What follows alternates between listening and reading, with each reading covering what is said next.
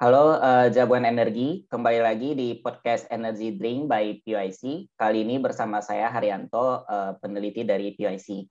Pada kesempatan kali ini kita akan mendiskusikan mengenai biodiesel. Itu uh, apa kabar biodiesel Indonesia? Dan pada kesempatan hari ini juga telah hadir bersama kita yaitu uh, Mas Riki Amukti. Uh, beliau menjadi uh, saat ini menjadi engagement manager di Traction uh, Energy Asia. Uh, TEA gitu. Uh, selamat datang Mas Riki, uh, selamat pagi. Terima kasih sudah hadir bersama kami Terima di podcast pagi ini. Ya. Terima apa kasih Mas Arianto sudah mengundang. Uh, sudah mengundang. Baik, baik, baik, baik. Ya, ya, ya. Arianto apa kabar? Baik juga Mas. Thank you, thank you sudah join di ngobrol-ngobrol tentang uh, biodiesel pagi ini.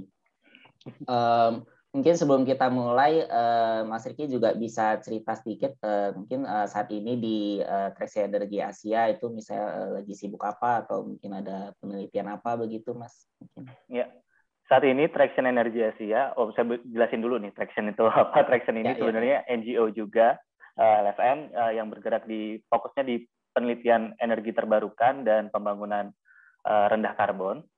Uh, saat ini kami sedang sedang membuat beberapa penelitian. Yang pertama tentang biodiesel used cooking oil dari uh, minyak jelantah atau yang bisa ya biasanya disebut UCOM gitu kan, used cooking oil methyl ester.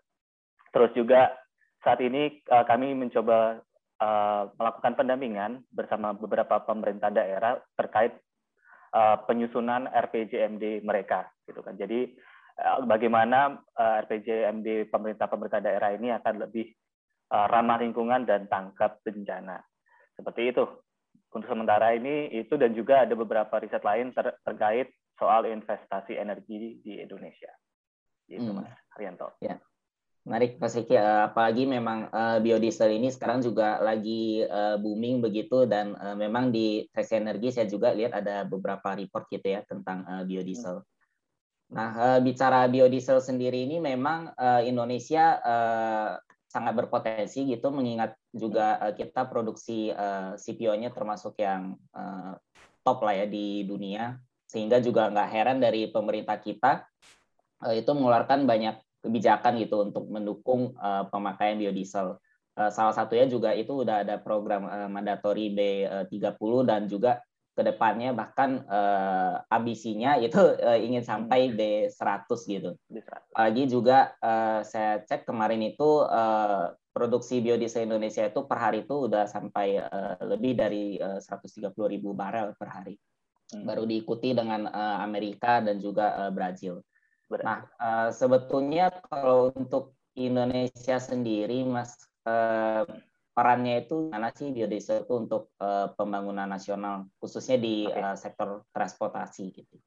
Oke, okay, kalau kalau kita berdasar data dari Kementerian Energi Sumber Daya Mineral, uh, realisasi konsumsi BBM kita nasional itu pada tahun 2020 mencapai 63,96 juta kiloliter. Uh, terdiri dari solar dan minyak tanah 14,39 juta kiloliter, premiumnya 8,44 juta kiloliter, dan non subsidi non subsidinya 41,13.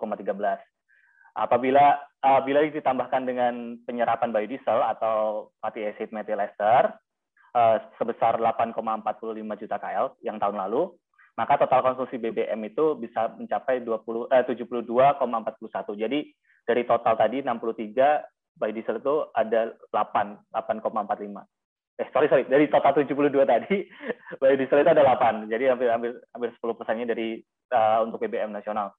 Terus uh, kalau sementara itu bila target uh, BBM-nya di 2021 itu kami sekitar 9,2 artinya konsumsi BBM nasional pada tahun ini bisa mencapai 84,47 KL atau naik 16,6 persen gitu kan dibandingkan 2020 jadi sebesar itu uh, konsumsinya dan juga karena mandatori juga jadi mau tidak mau kita juga harus mem, uh, mau apa namanya memanfaatkan biodiesel untuk kebutuhan uh, solar di Indonesia. Kayak gitu. Jadi besar banget mas. Kalau dibilang besar berapa besar besar banget. Apalagi B30 ya campurannya. Tiga puluh persen tiga puluh tiga puluh persen biodiesel dan tujuh puluh persen solar. Ya ya. Walaupun uh, kalau B40 belum ya mas ya masih ongoing ke sana ya. Ya, B40 tuh kalau nggak salah itu sekarang masih tahap penelitian karena memang pencampurannya masih bingung, uh, masih masih di kotak-katik agar lebih cocok pada mesin. Entah itu B40 biodiesel atau B30 biodiesel ditambah 10% hidrokarbon. Hmm. Atau mix yang lain. Itu mixnya masih belum ketemu untuk lebih kompatibel terhadap mesin yang saat ini ada di Indonesia. Iya, iya. Kayak gitu. Menarik, Mas. Sama ini juga ya uh, sebetulnya mengingat programnya pemerintah gitu ya uh, gencar banget mendorong uh, pemanfaatan uh, CPO kita gitu untuk uh, pengembangan biodiesel ke depannya. Apalagi kan uh, mixnya itu dari uh, sawitnya akan ditingkatkan gitu ya dari farmingnya. Nah tentu juga pasti di satu sisi itu uh, yang jadi kuncinya itu kan sebetulnya feedstocknya juga untuk produksi biodiesel. Berarti kan demand untuk uh, eh, CPO ini pasti akan uh, meningkat terus uh, ke depannya. Nah, itu sebetulnya menjadi pertanyaan itu sebetulnya bagaimana dengan rantai pasoknya biodiesel ini nih di Indonesia dari hulu hingga ke hilir.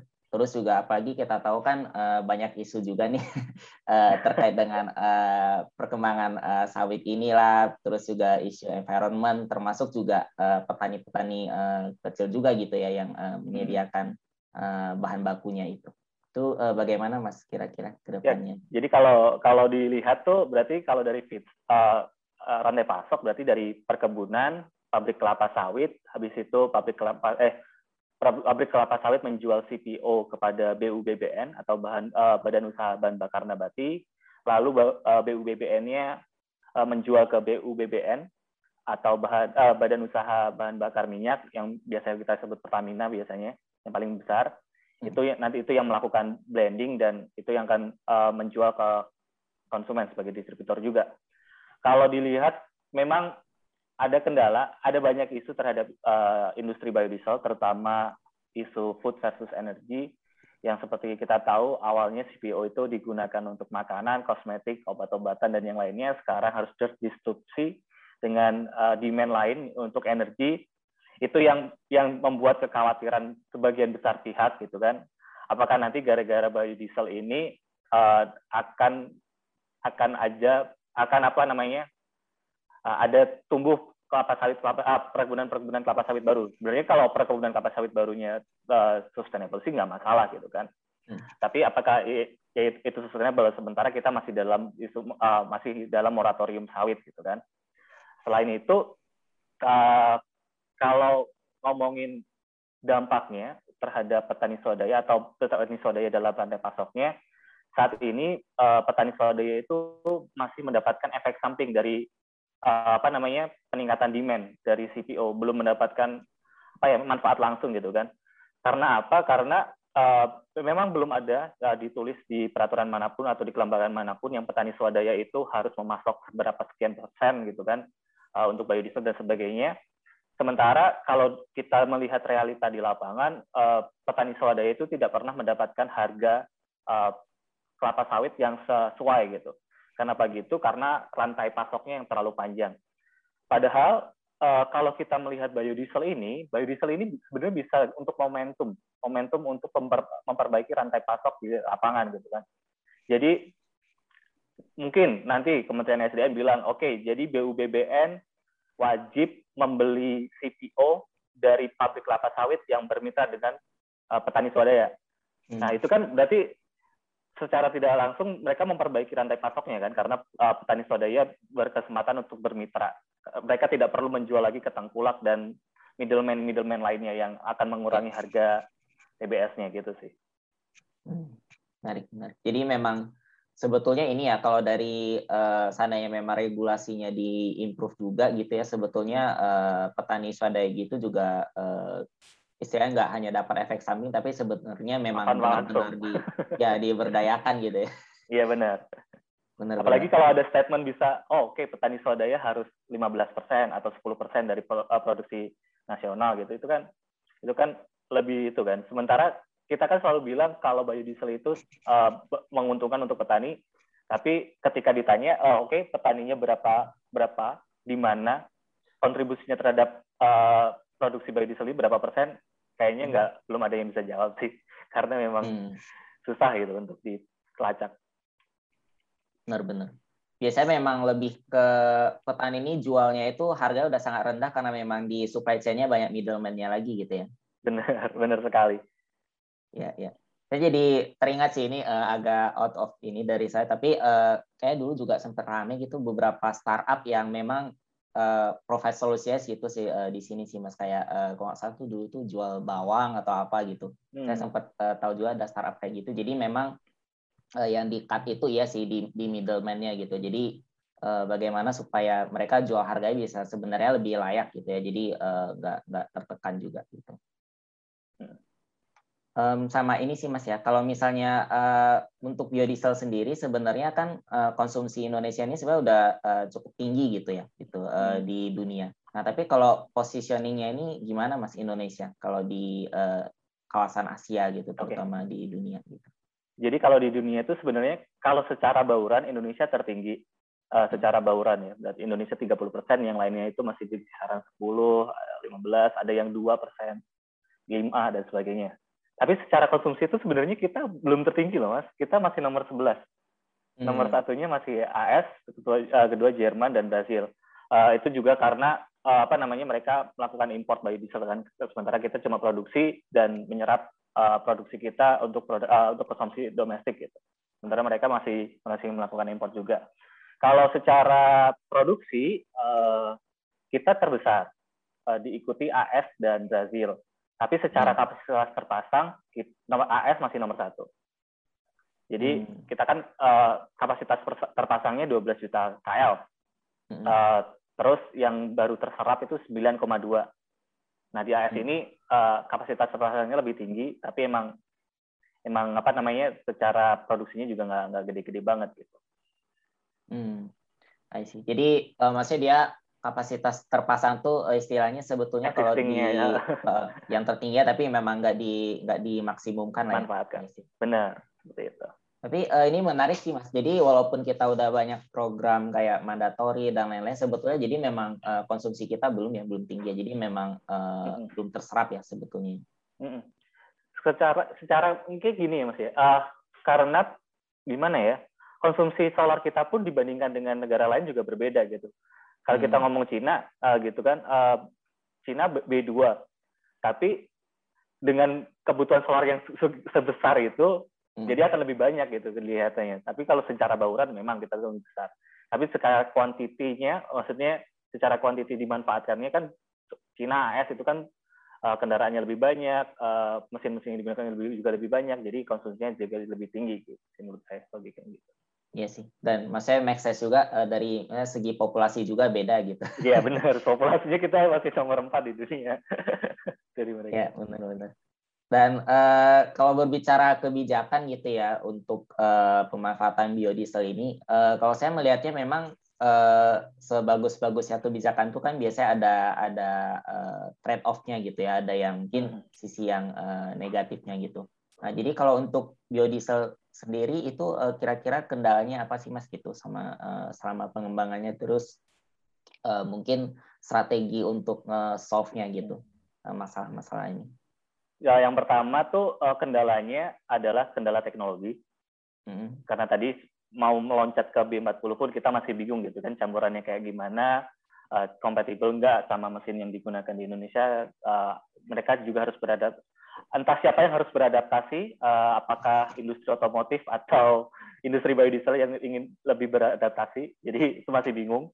Hmm. Selain itu juga ada kendala tadi yang kita uh, bahas sebelumnya, bahan baku. Kalau saya mengutip apa namanya uh, statementnya Pak Arifin Tasrif, uh, Menteri Energi Sumber Daya Mineral pada November 2020, uh, beliau menyatakan bahwa program biodiesel ini membutuhkan 15 juta hektar lahan.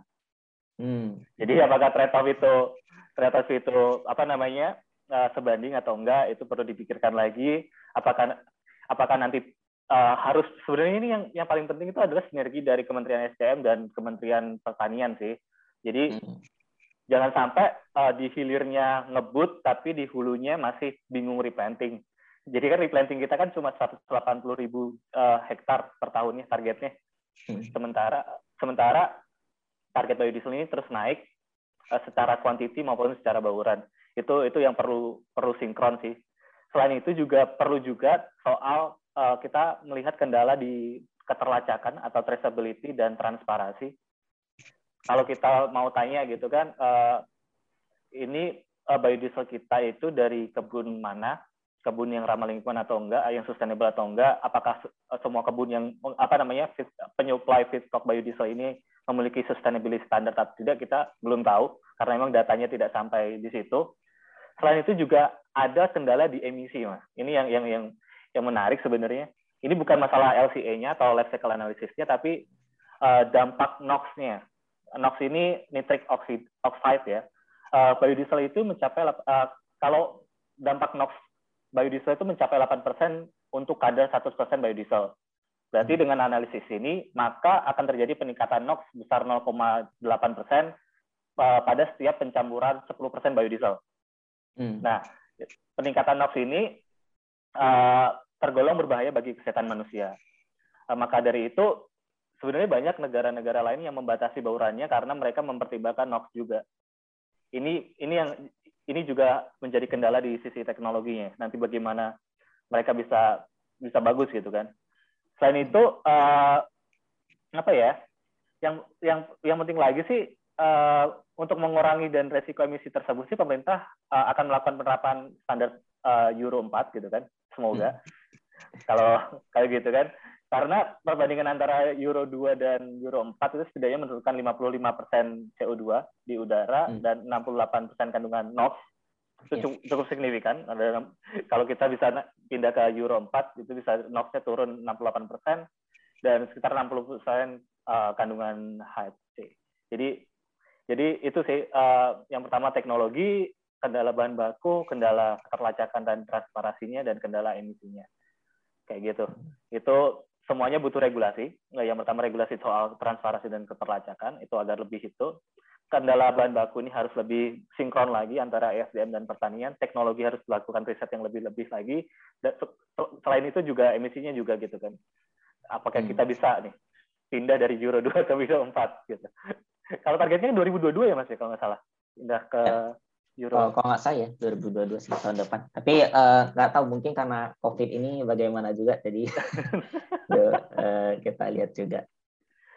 Uh, sama ini sih Mas, uh, tadi karena ngomong keterlacakan gitu ya. Sebenarnya kalau hmm. si CO2 sendiri kan uh, biasa yang mungkin kalau uh, dari negara luar itu dulu kan sempat uh, ramai juga ya yang uh, pada saat apa yang kebijakan uh, Uni Eropa gitu yang sempat hmm. uh, yang kontroversial ya tentang uh, Renewable Energy Directive. ya, yang red itu red uh, policy. Nah, kalau di Indonesia sendiri kan kadang kita mungkin uh, berargumennya kita juga ada ini ya, kalau yang traceability tadi itu ke yang uh, sertifikasi ISPO gitu. Hmm. Itu dari, dari Mas Riki gimana? Ada ada pandangan nggak gitu? Kira-kira apa masih kurang atau gimana ya kalau untuk itu? ISPO sih sebenarnya udah bagus, cuma ya akan terus akan berkembang. Saya percaya sih ISPO akan terus berkembang. Saat ini memang belum sampai ke hmm. sisi hilir ya ISPO-nya ya, cuma di sisi perkebunan tapi saya mendengar kalau ada ada ISPO dari Kementerian Perindustrian, Mas. Oh, Jadi saya baru dengar tuh gimana, Mas? Iya, saya saya juga dengar kalau itu di FGD-nya sama de dengan kayak sama ESDM.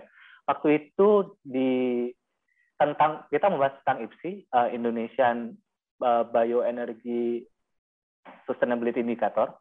Hmm. Nah, jadi salah satu yang disyaratkan adalah keterlacakan hulu hilir kan. Jadi hmm. untuk itu uh, akan dia di Kementerian Perindustrian itu akan bikin ISPO uh, hmm. yang itu yang yang nantinya akan uh, sinkron juga sama ISPO yang dibikin Kementan. Jadi agar lebih traceable lagi. Jadi saya berharap sih nanti nanti mereka uh, berdua itu ya perindustrian dan Kementerian Pertanian akan saling melengkapi sih untuk ke, agar keterlacakannya lebih lebih lagi gitu sih. Ya, ya. Itu cukup menarik. Dan, saya juga baru dengar. ya Mas ya. Maksudnya hmm. uh, kalau bisa terintegrasi ntar jangan sampai misalnya ada beda-beda. ya, itu itu juga kemarin itu cukup cukup mengagetkan. Bahkan kementerian dari pihak Kementerian Pertanian juga kaget kalau Kementerian Perindustrian agenda ISPO. itu cukup ya. Sih, sih. Jadi memang uh, sinkronisasi sih juga kunci hmm. juga sih gitu. Jangan sampai uh, bergerak masing-masing. ya, kalau dilihat kalau kita lihat sebenarnya biodiesel ini uh, mandatnya dimandatkan pada 11 atau 10 kementerian gitu kan. hmm, Kementerian Perekonomian uh, koordinator, koordinator perekonomian yang jadi uh, tulang punggung, eh, jadi uh, lead-nya lah. Terus hmm. ada kementerian-kementerian yang lain. Iya, iya.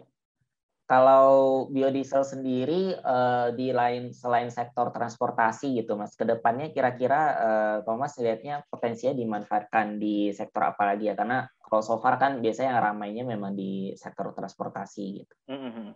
Kalau kemungkinan bukan kemungkinan ya PLN dan sepertinya DSDM juga sudah menargetkan uh, bahwa PLTD di Indonesia nanti pembangkit listrik diesel itu akan di disuplai dengan biodiesel, jadi ganti jadi PLTD biodiesel.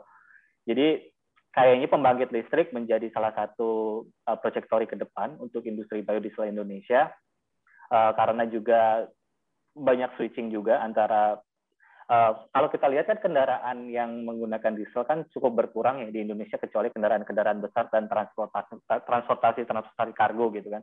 Hmm. Itu juga diantisipasi sebenarnya dengan serapan di pembangkit listrik tenaga diesel. Sementara pembangkit listrik tenaga diesel di Indonesia cukup cukup masih banyak, terutama di kepulauan-kepulauan kecil di Indonesia. Nah, itu yang akan dicoba disuplai uh, dengan biodiesel nantinya.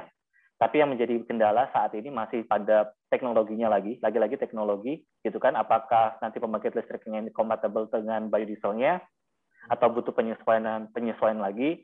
Selain itu dari segi logistik juga masih dipikirkan karena yang pengguna pengguna PLTD ini kebanyakan di daerah-daerah terpencil. Nanti bagaimana logistiknya, apakah kosnya sesuai atau enggak, itu masih menjadi pertanyaan. Gitu sih mas. Hmm. Kayak pembangkit listrik yang paling paling paling langsung akal untuk ke depannya. Iya sih. Pembangkit listrik sih ya, benar-benar. Hmm. Kalau tenaga diesel. Kalau industri kayaknya kayaknya enggak deh terlalu. oh industri sebenarnya biodiesel dia pakai mas, tapi aku nemu beberapa industri hmm. seperti Cargill, Danone, Aqua, terus Adaro, hmm. mereka itu pakai biodiesel, tapi biodieselnya use cooking oil. Oh, oh itu menarik. Jadi mereka, mm -hmm. jadi kayaknya mereka memang antisipasi untuk uh, apa namanya uh, nanti kalau kalau ada pajak karbon, hmm. jadi akan lebih lebih itu lagi lebih murah lagi pajak mereka dan juga untuk itu sih emang saving emission mereka sih. Hmm. banyak denda sana sini. Oh, ya ya. Itu itu good point juga tuh. Jadi memang uh, ke depannya pas kalau misalnya ada pajak karbon at least mereka uh, emisinya udah udah lebih rendah gitu ya. Jadi udah hmm. udah persiapan dari sekarang. Uh, dan switching juga. Tapi juga sebenarnya kalau uh, dari use cooking oil sebenarnya kalau di Indonesia itu uh, maksudnya supply-nya aman nggak ya mas ya? Karena kan kadang hmm. concernnya itu ya. Jadi hmm. kalaupun mau pakai biodiesel dari use cooking oil gitu misalnya Kira-kira uh, secure nggak gitu dia? Indonesia itu konsumsi minyak gorengnya 16 juta kiloliter. Kalau kita ngomongin mungkin nanti setelah digoreng menyusut sebagainya, anggaplah 50 persen. Masih berarti ada sekitar 8 juta kiloliter. Dari 8 juta kiloliter itu, yang sudah dikumpulkan itu 3 juta kiloliter. Jadi dari dua dari 3 juta kiloliter yang sudah dikumpulkan uh, minyak minyak jelantah itu 2,4 juta KL-nya itu digunakan sebagai minyak goreng daur ulang. Hmm. Itu yang berbahaya buat kesehatan. Kalau secara potensi, kita berarti di luar yang sudah dikumpulkan masih ada 5, 5 juta KL. Uh, eh, kalau secara total, dan kita ingin menyerap juga yang dari apa namanya uh, minyak goreng daur ulang yang which is ini sangat berbahaya dan sebenarnya dilarang di Undang-Undang Perlindungan Konsumen itu bisa hmm. lebih lagi gitu kan dan Indonesia itu menjadi salah satu eksportir terbesar used cooking oil dengan hmm. negara tujuan Bel Eropa, Belanda, uh, Singapura, dan China. Uh, yang mana ini sebenarnya kalau saya ngomong dengan Gapi itu agak dilema. Pak, ini minyak goreng jelantah, eh, minyak jelantah itu diterima, tapi kalau CBO-nya ditolak Eropa gimana? Kenapa ini nggak dimasukkan dalam salah uh, apa namanya uh, negosiasi gitu kan aspek negosiasi? Benar-benar. itu cukup cukup menarik. Tapi secara secara secara kuantitas, kuantitas 8 juta kiloliter itu cukup banget. Apalagi kalau kita lihat existing existingnya uh, apa namanya BUBBN existingnya cuma 12 juta KL. Jadi udah berapa persen itu? Hmm. 8 bagi 12. Ya, ya. Tinggal memang uh, collectionnya ya, maksudnya sistem uh, pengumpulannya benar-benar. Karena ini kan jumlah di Indonesia kan Mas ya tadi Mas ya kan itu di di uh, seluruh Indonesia. Hmm. Collection itu tricky mas. Ya tadi yang saya sebut karena uh, apa namanya wewenangnya ada di pemerintah daerah. Jadi hmm. kalaupun nanti ingin collectionnya itu berarti ESDM kerjasamanya bukan dengan Kementerian Perindustrian atau Kementerian uh, Lingkungan, tapi ke bekerjasamanya dengan Kementerian uh, Dalam Negeri karena hmm. yang membaik pemerintah daerah. Itu sih. Ya, ya. Dan ya. nanti wewenangnya pun setuju atau enggak kan tergantung pemerintah daerah buy-in atau enggak. Beberapa pemerintah daerah sebenarnya sudah sudah melakukan kegiatan pengumpulan. Hmm. Uh, kalau dilihat kemarin tuh ada di Kalimantan dan di Sumatera, di Riau, di mereka itu mengumpulkan, sudah mengumpulkan pemerintah daerah, tapi tujuannya untuk ekspor. Karena hmm. emang harganya harganya lebih menarik daripada pemanfaatan biodiesel dalam negeri. I see, I see. Jadi kalaupun diproduksi dalam negeri, uh, maksudnya uh, jalan tah ini dikonvert jadi biodiesel, sebenarnya masih lebih ekonomis di ekspor langsung ya, makanya masih di mm -mm. di ekspor ya so far. Di ekspor itu dua puluh lima belas ribu sampai dua puluh ribu per liter mas. Ah, padahal padahal, ya, uh, padahal minyak goreng empat belas ribu. Ya, ya. Karena memang ini sih ya demandnya demandnya di iya sih di Eropa tinggi juga sih gitu. Hmm, Karena mereka juga uh, ya sih masih ada ada eh, tuntutan harus uh, pakai energi yang lebih bersih gitu jadi memang hmm. ya sih impor dari sana apalagi uh, apalagi minyak goreng eh, minyak jelantah kan masuknya nanti ke uh, biodiesel generasi kedua kan second generation Benar. yang dari waste itu jadi uh, emisi dari uh, land use change atau pembukaan alih fungsi lahannya nggak dihitung jadi ya. jauh lebih gitu ya itu itu menarik sih hmm. Saya sempat baca di beberapa artikel sempat ini bukan sampai kontroversi ya, tapi uh, masih di saya dikaji lagi karena kan uh, saya baca juga dari beberapa report itu kan memang kayak dari Eropa kan banyak juga tuh impor dari uh, China gitu. Hmm. Uh, dari smoking oilnya. Padahal kan kalau kalau enggak mungkin di China itu sebetulnya itu juga digunakan untuk pakan ternak dan lain-lain gitu. Jadi hmm. jadi kayaknya memang masih banyak isu sih hmm. kayak uh, mungkin kredit apa uh, carbon credit scoringnya istilahnya double atau gimana gitu karena ada lagi mas uh, mendorong juga kan gitu orang nanti uh, produksi uh, lebih banyak lagi gitu Iya, ada lagi sebenarnya apa namanya uh, report yang cukup menarik adalah uh, fraud gitu kan. Jadi ke negara-negara itu yang dikirim minyak goreng karena harganya kan tadi minyak goreng empat belas ribu, hmm. yang cooking oil lima belas sampai dua puluh ribu. Jadi mereka udah kirimnya minyak goreng aja bukan cooking oil ya. itu lebih parah lagi fraudnya. Ya sih, benar-benar kalau walaupun kalau kalau bisa dimanfaatin dulu lebih bagus ya jadi maksudnya secara hmm. value-nya ini ya. Hmm. secara secara produk value-nya kan mereka oh berarti penggunanya udah digunakan digunakan minyak eh, digoreng dulu. Jadi kan fungsinya eh, manfaatnya lebih banyak. Iya sih benar-benar sama ini sih Mas, kalau uh, selain program biodiesel, sebenarnya kan juga dari uh, pemerintah juga mengeluarkan peraturan gitu ya, termasuk hmm. percepatan dari uh, pengembangan apa uh, kendaraan listrik gitu uh, berbasis baterai gitu, electric vehicle. Nah, kira-kira kalau dari Mas melihatnya gimana gitu kalau program mandatori biodiesel ini, terus juga uh, di satu sisi ada program kendaraan listrik juga, ya. apakah enggak uh, saling kontradiktif gitu? Hmm, gitu. Iya. Gimana, Mas? Kalau dari saya sih, uh, saya sih beberapa kali uh, apa namanya berdiskusi dengan Aprobi juga, Gapki, uh, Pak Tatang juga dari IPB dan juga Kementerian hmm. SDM. Jadi emang target uh, target konsumennya berbeda, mas. Jadi untuk kalau hmm. biodiesel ini emang targetnya untuk bahan apa kendaraan-kendaraan yang berbahan bakar solar, sementara uh, switching dari uh, apa namanya kendaraan fosil ke electric vehicle itu untuk kendaraan-kendaraan bensin. Hmm. Jadi jadi kalau kalau apa namanya biodiesel itu untuk penurunan uh, import solar, kalau electric vehicle nanti untuk penurunan uh, import bensin atau premium. Jadi uh, sebenarnya kalau secara berarti kalau kayak gitu nggak ketemu sebenarnya karena emang hmm. targetnya juga berbeda. Uh, kalau biodiesel untuk yang RPM rendah dan yang RPM rendah, kalau bensin uh, yang electric vehicle itu untuk kendaraan-kendaraan yang RPM tinggi seperti motor, mobil yang kita pakai sehari-hari gitu kan yang berbahan bakar bensin sementara biodiesel enggak untuk itu itu itu itu salah satunya gitu kan ya jadi kalau saya ngelihatnya sih malah nggak ketemu gitu tapi hmm. nggak hmm. tahu nantinya kalau nanti emang emang mau pass out combustion engine semuanya berarti kan itu yang akan bertabrakan tapi kalau saat ini rencana untuk switching ke electric vehicle masih uh, fokus pada kendaraan-kendaraan berbasis bensin bukan kendaraan berbasis diesel. Hmm, ya benar. Jadi memang uh, segmennya targetnya uh, beda, jadi Berbeda. sebenarnya nggak nggak masalah gitu ya. Hmm. Hmm, hmm, hmm. Ya, karena uh, memang mungkin kalau uh, orang secara umum yang nggak belum terlalu mendalami, kadang kadang-kadang kan bertanya-tanya juga gimana gitu Hmm. ada ada uh, dua program terus berjalan Iya. berbarengan, apakah nggak apakah nggak Iya. tabrakan gitu. Iya, tapi kalau kita lihat, eh, kalau cermati lagi ternyata EV itu cuma untuk bensin gitu kan, biodiesel solar ya udah. Ya, betul, betul. Oh, iya sih. Betul solar sih benar. Kalau eh, yang anak apa eh, analogi harusnya kan ke bioetanol gitu ya, kalau ya. kalau Hmm, ya untuk, sayangnya eh, bioetanol kita ya, nggak jalan. nggak jalan.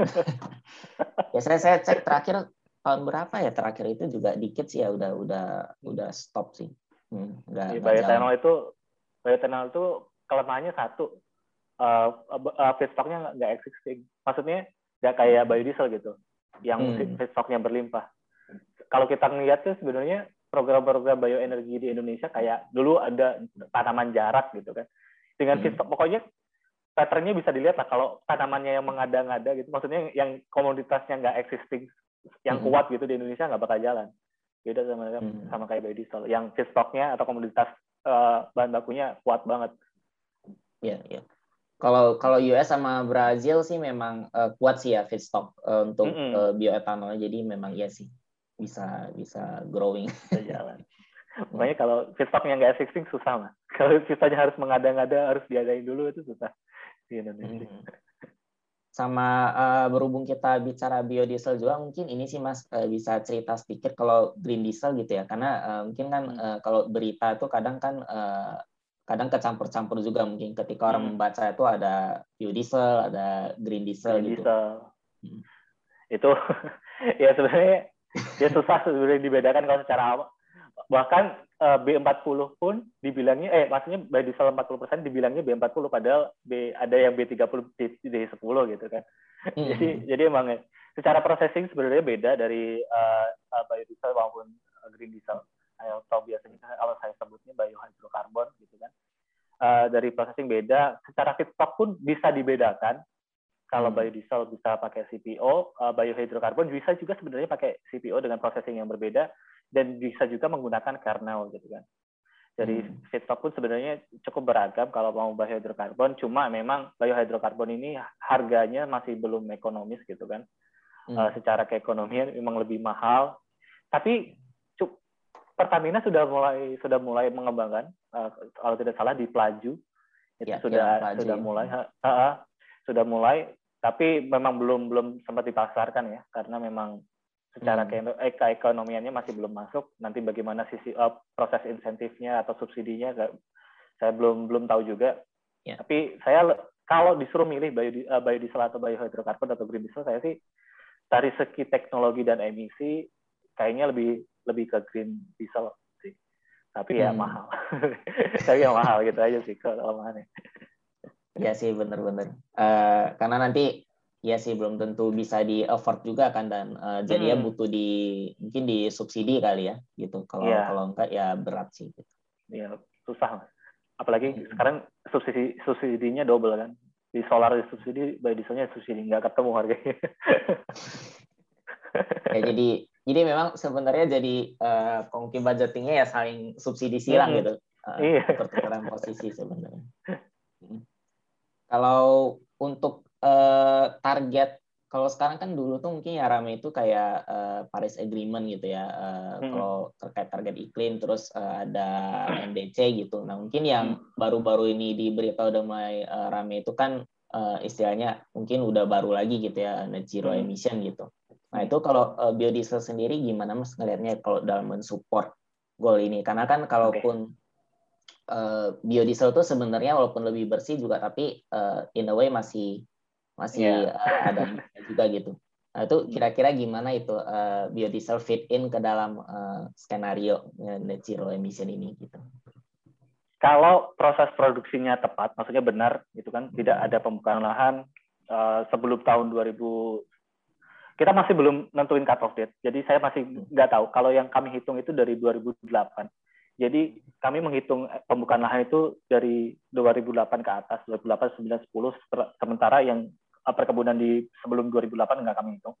secara secara itu benar, uh, maksudnya tidak membuka lahan baru, tidak di lahan gambut, tidak ada kebakaran lahan, menggunakan metan capture. Metan capture hmm. itu penting uh, karena gas metan itu emisinya sangat tinggi gitu kan, beberapa kali lipat daripada CO2. Uh, hmm. menggunakan metan capture dari segi distribusinya juga lebih apa namanya efisien. Indonesia sebenarnya kalau punya target penurunan emisi uh, di fuel switching di tahun 2005 itu 10 metric ton CO2 ekuivalen. Di 2005 dengan program B30 Indonesia itu bisa menurunkan sekitar 9,27 ton CO2 ekuivalen. Jadi tinggal 0,73. Berarti kalau diprojektorikan lagi gitu kan, secara nanti baurannya bertambah uh, dan kuantitasnya bertambah, maka saya rasa jauh akan lebih lebih tinggi gitu kan dari uh, penurunan uh, emisi di sektor fuelnya gitu. Hmm. Itu ya tadi kalau targetnya di 2005 itu 10, uh, Indonesia di 2025 dengan B30 kalau tadi ya dengan hmm. syaratnya tadi syarat dan ketentuan berlakunya itu bisa sampai 9,27 ton CO2 ekuivalen. Itu cukup cukup signifikan cukup signifikan mas. Hmm. Gapnya berarti tinggal 0,73 kan, yeah, dari ya. satu yeah. ton CO2 ekuivalen. Dan, kalau di lagi kalau ke 2060 berarti ya tinggal ditambah aja baurannya nanti sama uh, kuantitinya. Jadi saya rasa bisa tercapai sih. Bisa bisa sangat membantu. Hmm. Dan dan sebenarnya kan maksudnya net zero emission itu sebenarnya dilihatnya big picture juga ya. Jadi mm-hmm. uh, maksudnya bisa dari uh, sektor lain juga gitu. Yeah. Misalnya uh, kalau sekarang lagi rame juga carbon capture juga gitu ya. Mm-hmm. Carbon capture teknologi juga. Jadi jadi memang uh, ya sih juga optimis bisa gitu sama tadi juga itu um, menarik juga sih mas saya baru dengar juga uh, istilah jadi memang uh, yang rame itu yang saya tahu kan carbon capture jadi kalau ini ada hmm. ada metan capture ya khusus hmm. khusus metan gitu ya hmm. Hmm. itu di pabrik kelapa sawit itu kalau kalau kalau Indonesia bisa meng, apa namanya kalau pabrik kelapa sawit bisa menginstal metan capture emisinya itu bisa turun 50 sampai 80 persen hmm. gede banget tuh ya berarti gede banget sayang ya, sayang ya dari sekitar 600-an sampai 700-an pabrik kelapa sawit itu baru 10 persen mas yang menginstall metan capture di Indonesia. Is isunya apa mas? Uh, biaya mas ya? Atau mahal, dua juta ya, dua juta, eh, dua juta USD gitu kan per per per berapa kubik gitu. Jadi emang hmm. mahal untuk kapasitas 40 atau eh, untuk kapasitas 60 ton per hour pabrik kelapa sawit itu sekitar 2 juta. Jadi emang emang mahal, hmm. tapi kalau bisa kalau bisa dimanfaatkan sebenarnya jauh lebih tinggi manfaatnya karena metan capture bisa digunakan juga untuk pembangkit tenaga listrik. Oh, oke. Okay. Jadi kan yeah, yeah. jadi kan enak gitu kan. Kalau kita lihat uh, radius di sekitar pabrik kelapa sawit ada beberapa desa di Sumatera yang masih belum teraliri listrik itu sebenarnya bisa menjadi salah satu solusi gitu. Hmm. Tinggal dialirin dari metan capture yang ada di pabrik kelapa sawit selain menurunkan emisi juga bisa untuk pemenuhan energi di masyarakat. Jadi metan yang udah di capture juga sebenarnya bisa digunakan lagi ya, gitu ya. Mm-hmm. Uh, untuk listrik tadi pemakaian listrik. kali atau ini. Iya, iya jadi biogas maksudnya kan menguapnya uh, itu kan dimaksud. Uh, dimanfaatkan. Uh, isi, isi. Tapi so far memang dia uh, digunakannya di berarti di hulunya ya Mas ya berarti ya, si, mm-hmm. si metan capture. Di pabriknya. Hmm. I see. Dan kalau dari whole supply chain memang emisi terbesarnya di mana mas? Bisa di, uh, di Whole supply chain kalau di emisi terbesarnya itu di alih fungsi hmm. lahan. Itu, oh, itu ya, masih terbesar. Hmm. Uh, uh, yang kedua itu tadi di metan. Jadi hmm. yang kita baru 10% itu ternyata menjadi salah satu penyumbang terbesar. Yang ketiga itu di distribusi, Mas. Jadi hmm. distribusi ini bisa mencakup jaraknya dan juga kendaraan yang dipakai kendaraan ya, yang dipakai untuk mendistribusikan itu. Itu itu itu yang menjadi salah satu faktor eh, tiga faktor utama emisi biodiesel di Indonesia. Itu sih. Ya, ya. Sebenarnya kalau kalau yang LUC itu sebenarnya Indonesia tinggal nentuin aja cut off date-nya hmm. tahun berapa. Karena saat ini belum ada cut off date, saya bingung juga sebenarnya ngitungnya mulai dari mana gitu. Apakah hmm. dari moratorium 2011, jadi nanti sebelum 2011 itu perkebunan nggak eh, emisi LUC-nya nggak akan saya hitung, atau hmm. setelahnya gitu ya gitu. Itu itu masih belum masih belum fix sih di Indonesia. Jadi masih bingung hmm. saya untuk ngitung secara nasional ya. Sebenarnya berapa sih gitu. Karena emang nggak ada nggak ada cut off date-nya. Itu nunggu dari government ya berarti ya? Masih iya benar oh, oh. Iya.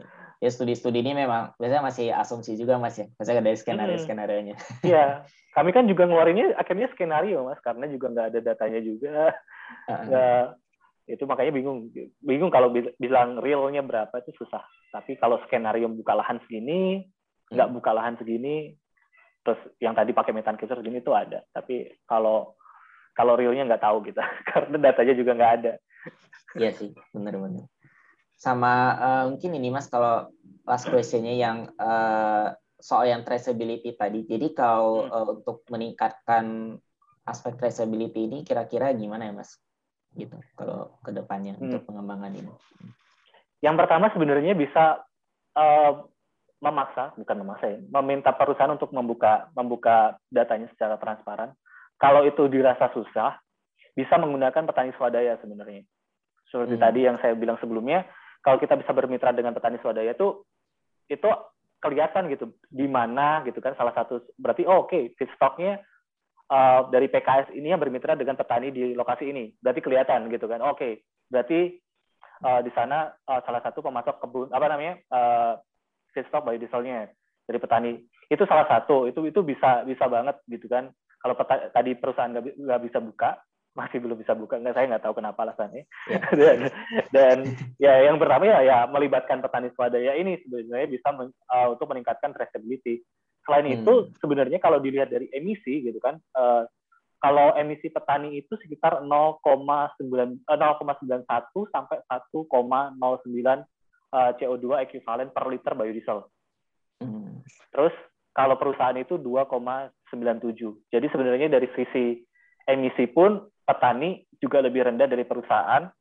Itu juga bisa apa namanya membuat uh, biodiesel kita lebih sustain lagi. Kenapa lebih rendah? Ya faktor luas lahan itu juga mempengaruhi. Yang pertama, karena semakin nggak semakin sempit lahannya, berarti kan kebutuhan untuk distribusi, kebutuhan untuk waktu manen, eh, kebutuhan untuk pemupukan itu jadi lebih lebih rendah.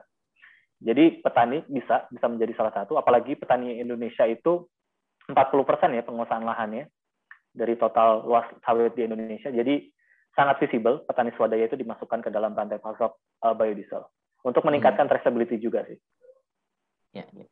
Jadi jadi memang uh, harus digandeng lah istilahnya. Uh, iya, pemain, benar. pemain langsung di lapangan. itu yang yang susah. Hmm. Tapi bukan mustahil. ya, ya, benar benar Mas.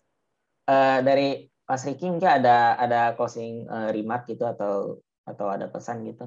Hmm. Oke, okay. kalau dari saya sih biodiesel di Indonesia, biodiesel Indonesia itu uh, bagus. Jangan pernah salahkan komoditasnya, salahkan bagaimana cara mengelolanya kalau tidak hmm. Kalau tidak bagus gitu kan. Komunitas tidak salah tapi tata, cara pengelolaannya kadang-kadang yang salah gitu kan. Uh, uh, kalau kita bicara soal kelapa sawit pun juga kita bukan hanya ngomongin soal kelapa sawit dari perusahaan maupun dari apa namanya BU, BUMN eh, gitu kan tapi juga ada petani di situ. Dan bagaimana kita bisa Eh, melibatkan petani, uh, mendorong produktivitasnya, kualitas hidupnya itu juga menjadi salah satu penting untuk meningkatkan citra kelapa sawit di Indonesia. Selain itu, biodiesel di Indonesia single feedstock, jadi mohon untuk dibuka peluang-peluang lainnya seperti use cooking oil karena karena emisinya jauh lebih rendah gitu kan 80 hmm. sampai 90 persen lebih rendah daripada emisi solar. Berarti kalau emisi solar 3,14 CO2 equivalent, emisi hmm. use cooking oil itu bisa 0,314 CO2 ekivalen per liter. Itu sih. Banyak ya Pak nih. ya mau membantu ini membantu hostnya untuk uh, menyimpulkan jadi tapi tapi setuju sih mas karena memang kalau bicara biodiesel itu pasti uh, apa ya mindsetnya tuh masih ke CPO aja sih so far ya. Mm -hmm. Ya walaupun memang uh, cooking oil apa use cooking oil gitu udah ada, cuman memang uh, kayaknya awarenessnya belum ke sana dan mungkin next levelnya bahkan kalau dulu ketika saya kuliah gitu di kimia itu memang dosen-dosen saya juga ngedevelop juga tuh dari uh, bahkan dari alga gitu ya tapi itu kayak udah udah terlevel dan lebih lebih generasi tiga itu ya.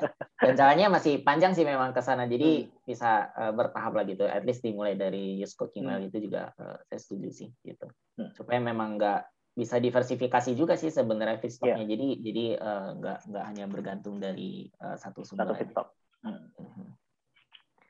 Oke okay, mas, uh, mungkin uh, itu aja uh, podcast uh, kali ini. Uh, sekali lagi uh, kami dari uh, menyampaikan uh, terima kasih banyak kepada Mas Riki dari uh, Traction Energi Asia yang udah uh, berbagi uh, pengetahuannya juga, terus uh, pengalamannya juga pada podcast kali ini dan uh, saya kira juga uh, pada podcast ini juga banyak uh, insights yang uh, menarik juga sih tentang uh, biodiesel yang uh, sebelumnya uh, kami belum tahu juga gitu. Apalagi kan uh, Mas Riki uh, setahu saya juga uh, aktif juga ya di di uh, riset biodiesel ini. Terus banyak uh, info juga terutama terkait tadi uh, kayak supply chain juga uh, PKS juga gitu uh, dan juga pemanfaatan teknologi kayak uh, methane capture. Itu juga uh, hal yang menarik sih gitu. Dan uh, ya kita dukung terus lah untuk program uh, bioenergi ini gitu uh, biodiesel. Dan uh, semoga ke depannya juga memang uh, dari feedstock feedstock yang lain itu juga uh, bisa dikembangkan juga gitu. Sehingga uh, Amin. Indonesia itu enggak bergantung dari sumber aja. Itu ya. Walaupun juga memang masih banyak uh, challenge tadi ya di uh, teknologinya juga terus gimana create uh, demandnya juga sebenarnya. Nah itu juga memang yang masih uh, kita harus terus uh, dukung terus ke depannya. Semoga bisa uh, tersolve. Amin. Ya. Uh, Thank you uh, Mas Riki uh, dan juga uh, di akhir podcast ini saya juga uh, ingin menyampaikan kepada uh, para pendengar itu Jago Energi dari uh, pendengar podcast ini bahwa uh, di bulan Oktober nanti uh, PIC akan uh, ada uh, mengadakan suatu acara yang spesial gitu acara uh, dua tahunan di mana uh, PIC akan mengadakan uh, International Energy Conference gitu IEC. Dan uh, tahun ini kami uh, mengangkat tema itu uh, enhancement dari energy security for sustainable future yang akan membahas uh, isu energi dari berbagai aspek dan perspektif.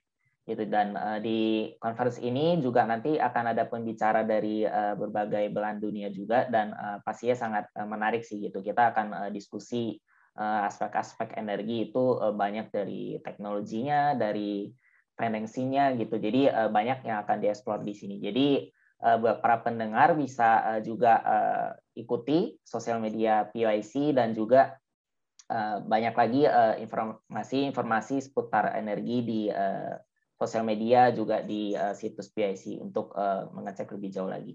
Mungkin juga kepada Mas Riki kalau uh, Loong nanti juga uh, bisa juga join uh, konferensi. Siap Mas. Ya. Oke, sekian Mas. Uh, thank you sekali lagi udah uh, join di uh, podcast uh, Energy Drink. Uh, sampai jumpa di lain kesempatan.